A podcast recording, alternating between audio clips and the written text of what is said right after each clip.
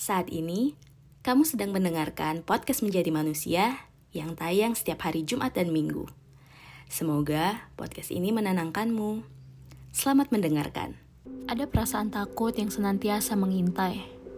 Bukan, bukan ketakutan akan hantu atau monster yang muncul di tengah malam gelap, melainkan ketakutan akan ditinggalkan.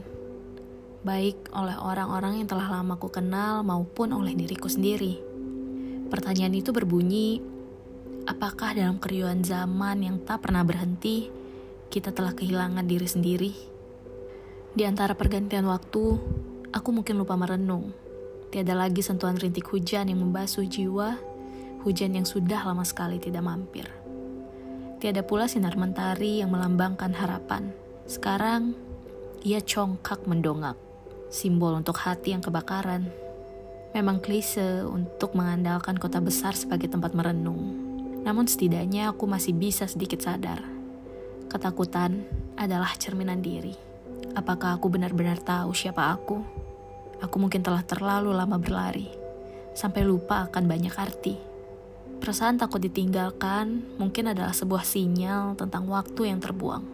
Bahagiakah aku dengan segala yang sudah terlewati? Apabila iya, seharusnya aku tidak perlu takut untuk ditinggalkan. Aku pernah merasakan hal-hal yang baik dan itu cukup adanya. Siapa pun yang harus pergi, pergilah. Seperti yang dilantunkan Kunto Aji pada lagu terbarunya. Dalam sepi, terciptalah manusia mandiri. Dalam sedih, terciptalah manusia penuh syukur yang merayakan indah pertemuan sampai dipisahkan.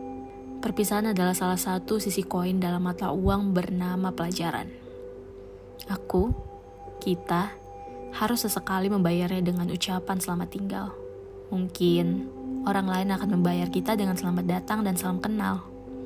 Kita bisa ditinggalkan, tetapi aku rasa kita pun punya kuasa untuk memilih siapa-siapa yang mau dan berkenan menemani di setiap liku.